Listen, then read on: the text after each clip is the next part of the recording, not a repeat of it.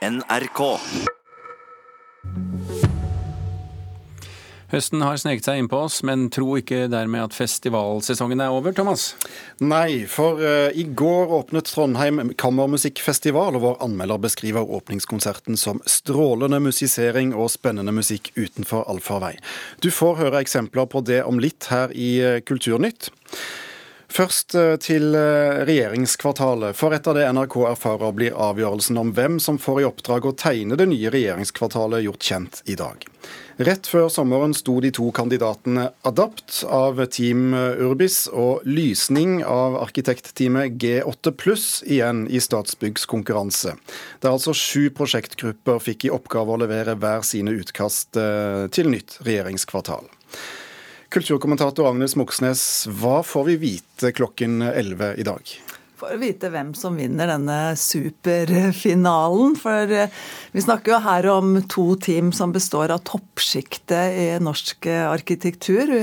Ett av dem får klokka 11 i dag altså vite hvem av dem som skal sette avtrykket sitt på et av dette århundrets viktigste byggeoppdrag, nemlig et nytt eh, regjeringskvartal. Så jeg vil tro at det bites negler blant arkitekter og entreprenører eh, i dag.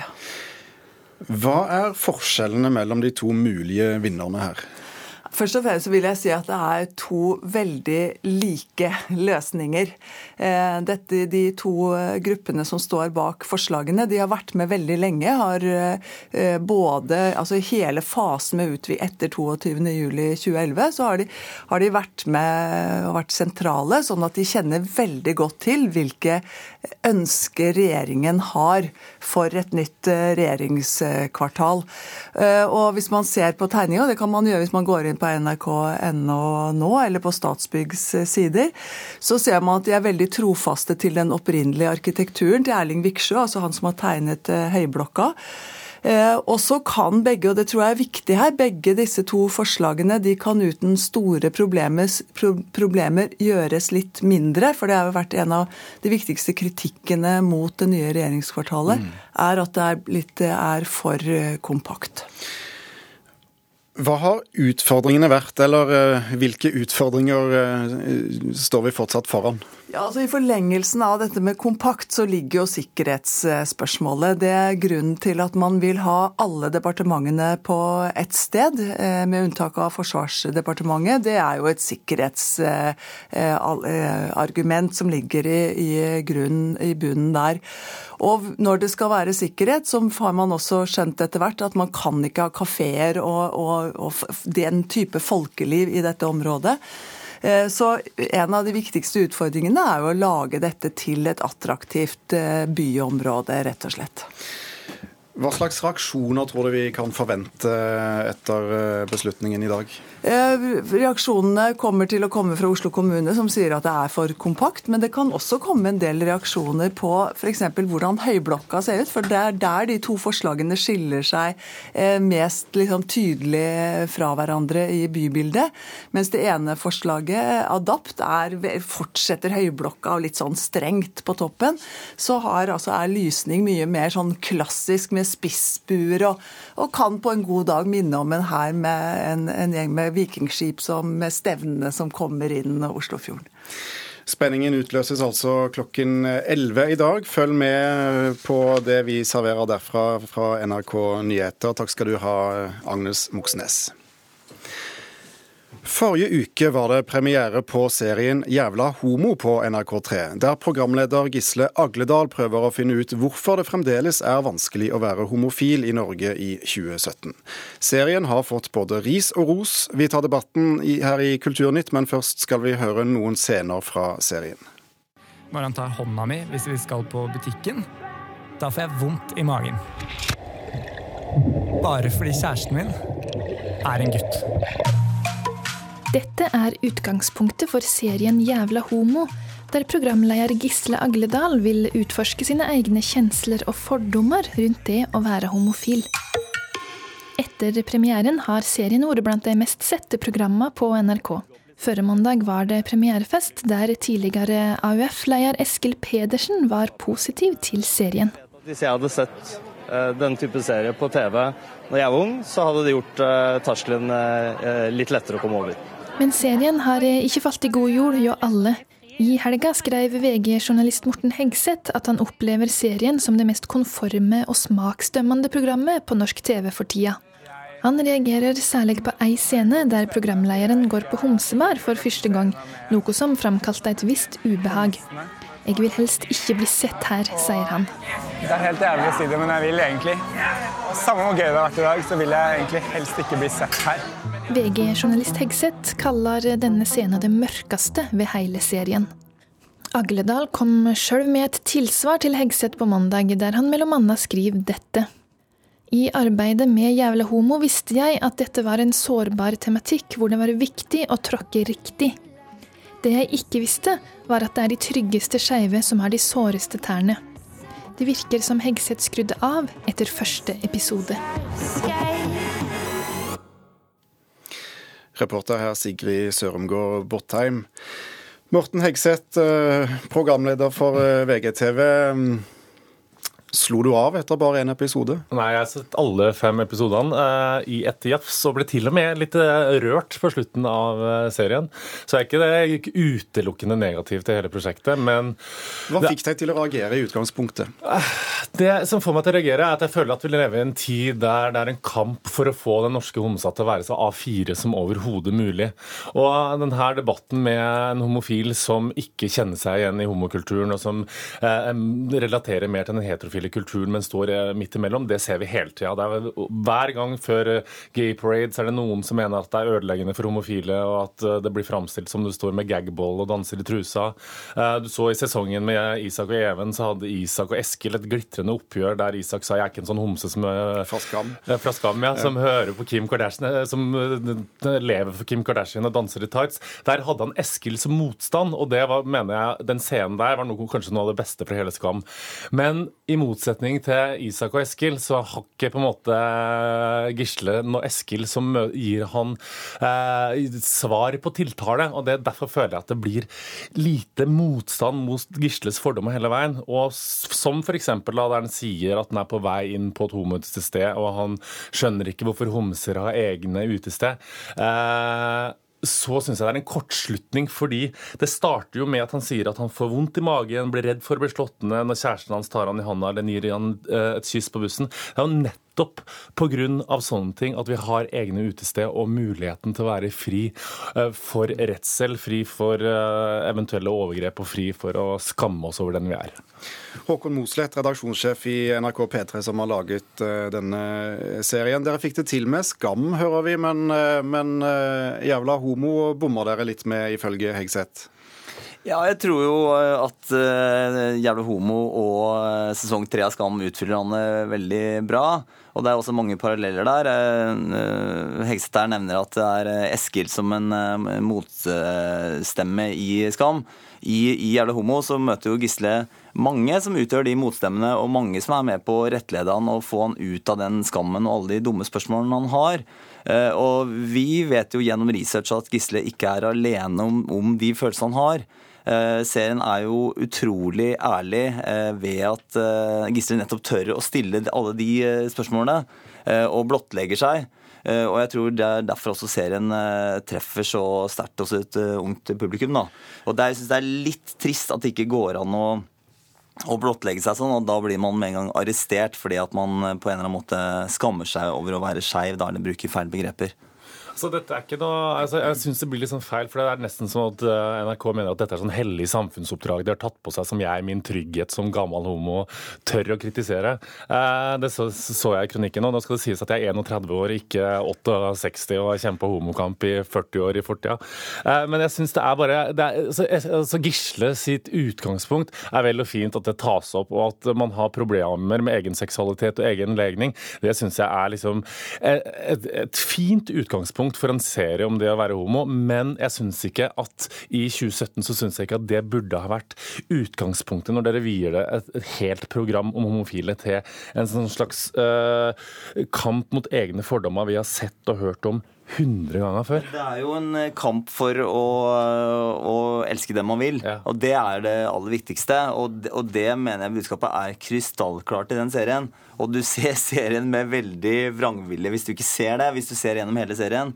Og den siste episoden er full av kjærlighet og varme, og det handler om å finne sin plass. Og det har jo vært Gisles sitt problem. At han er skeiv, har han visst veldig lenge. Men det handler om hva som skal være hans plass i det homofile miljøet, og det vet man at det er også veldig mange andre som, som sliter med. Jeg syns det er litt spesielt at NRK går ut med at det her skal være en serie som gjør at 17-åringer får lyst til å leve livet sitt og ikke ta det, og har et veldig ensidig negativt fokus på det å være homofil. For eksempel så presenteres det kontinuerlig statistikk og fakta om det å være homofil, som er liksom det verste du kan finne ut av statistikken fra Uni helse 2013 f.eks. Så og så mange blir kvalm av å se homofile holde hendene på gata. Så og så mange heterofile menn syns det, syns det er ekkelt med homofile menn. Hvis du ser på samme statistikk fra 2013 eh, fra forsker Normann Andersen, så ser du også at eh, det faktisk ikke finnes store forskjeller på eh, levekår og helse blant Hvis du sammenligner heterofile og homofile. Det viser også at det er en positiv utvikling i forhold til heterofile menns syn på homofile i forhold til det å bli foreldre. Nå er, nå er Gisle en ung skeiv gutt, og da var det naturlig å ta tak i den statistikken. Ja, hvordan- og, så, og så viser man også gjennom serien alle de positive Ja, men- sidene, man kommer ut av det på den, på den andre siden, og det er vel det viktigste Ja, men budskapet denne serien. hvordan skal man klare å redde liv med å, kun, altså med å være så ekstremt fokusert på det negative med å være homo? F.eks. en scene der de går hånd i hånd gjennom Oslo blir for dette, blir dette en slags mer opplæring av, av heterofile om homomiljøet enn veiledning og, og hjelp for homofile? Ja, litt Alle de tilbakemeldingene vi har fått fra Unge skeive den, eh, siden eh, serien hadde premiere forrige mandag, tyder i hvert fall på at det er en viktig serie. Ja, jeg synes det er litt sånn paranoid fokus når de for eksempel NRK filmer to gutter som holder hender gjennom Oslo, og de setter øya på alle som snur seg og sier 'du liker ikke homsa'. Altså, jeg snur meg hvis jeg ser to gutter holde hender eh, gå gjennom Karl Johan. Det betyr ikke at jeg ikke liker homsa. og det, den her uh, skeive, den her framstillinga av nesten et sånn Russland-aktig eh, Norge i dag, det tror jeg ikke bygger opp under at folk syns det blir er lettere å komme ut av skapet. gjennom en eh, lang Og serie. Mossleth, dere har gjort eh, mye research antagelig. Er, er, hvor, hvor riktig er dette bildet dere eh, presenterer i, i Nei, for det første så er jo dette Jævlig homo er jo en personlig serie som tar utgangspunkt i Gisles eh, egne følelser. Og så vet vi at det er utgangspunktet han deler med veldig mange. Det er mange unge skeive som sliter med å finne sin plass. Eh, Og da har vi henta fram relevant eh, research og relevante stemmer for å fortelle den historien. Eh, Og jeg tror jo nettopp at det er det personlige utgangspunktet som også gjør at, at serien treffer så, så sterkt. Um, og så, er, og så, den, så trekker man fram de negative sidene, og det er det store paradokset at det i Norge i 2017 fortsatt ikke er enkelt å være skeiv. Men den viser jo også eh, Jeg syns serien helt utvetydig kommer ut på en positiv måte. Og det er nettopp ved å stille de, de, de, de, dumme og de skamfulle spørsmålene at den gjør det. Da må vi dessverre sette strek, men debatten fortsetter helt sikkert. Og eh, alle kan se denne serien i sin helhet på, eh, på NRKs nettspiller. Takk skal dere ha, Håkon Mosleth og eh, Morten Hegseth. Vi skal til noe ganske annet. Eh, Festivalsesongen er nemlig ikke helt over enda. I går kveld åpnet Trondheim Kammermusikkfestival, som resten av uken tilbyr et trettitalls arrangementer over hele Trondheim. Åpningskonserten var i Frimurerlosjen i går kveld, og den hadde folkemusikk som et gjennomgangstema.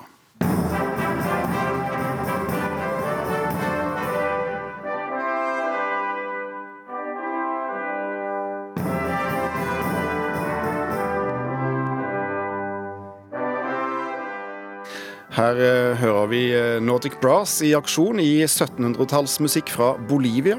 Opptaket er fra åpningskonserten altså under Trondheim Kammermusikkfestival i går kveld.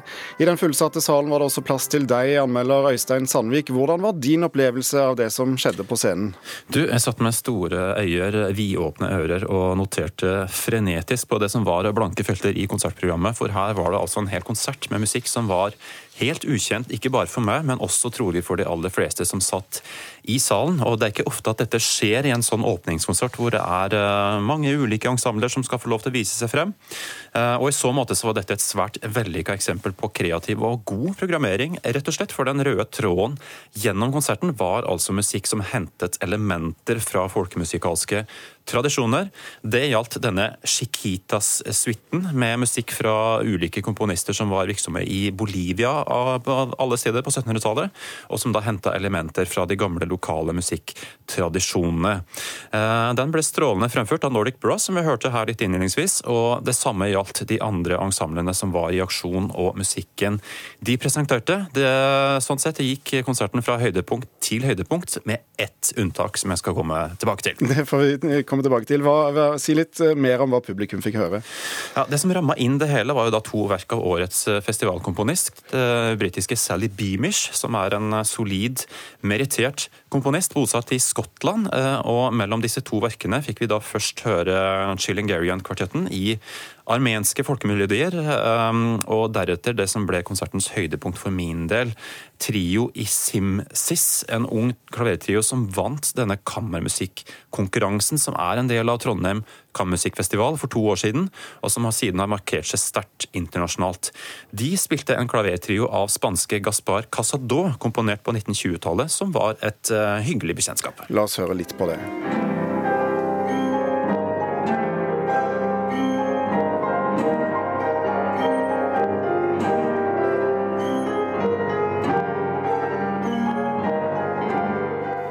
Klavertrio av Gasper Gaspar eh, Casado, fremført av herav trio Isimisis eh, på Trondheim Kammermusikkfestival i går. Hvordan syns du disse tre unge herrene klarer seg?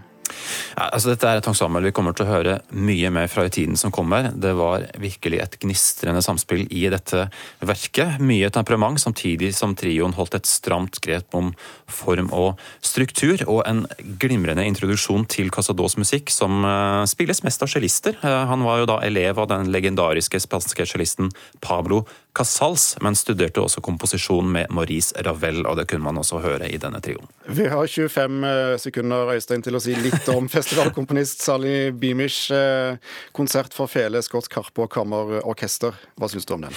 Nei, For meg så ble det et lite antiklimaks. Eh, det var da skrevet for to svært virtuose skotske folkemusikere. Felespiller Chris Stout og harpist Catriona McKay. De hadde tatt turen til Trondheim for å fremføre dette verket, men det blir for mye av de typiske skotske klisjeene her til at det grep meg noe særlig. Øystein Sandvik, du er på Trondheim Kammermusikkfestival for oss. Takk for det. Nyhetsmorgen fortsetter etter Dagsnytt.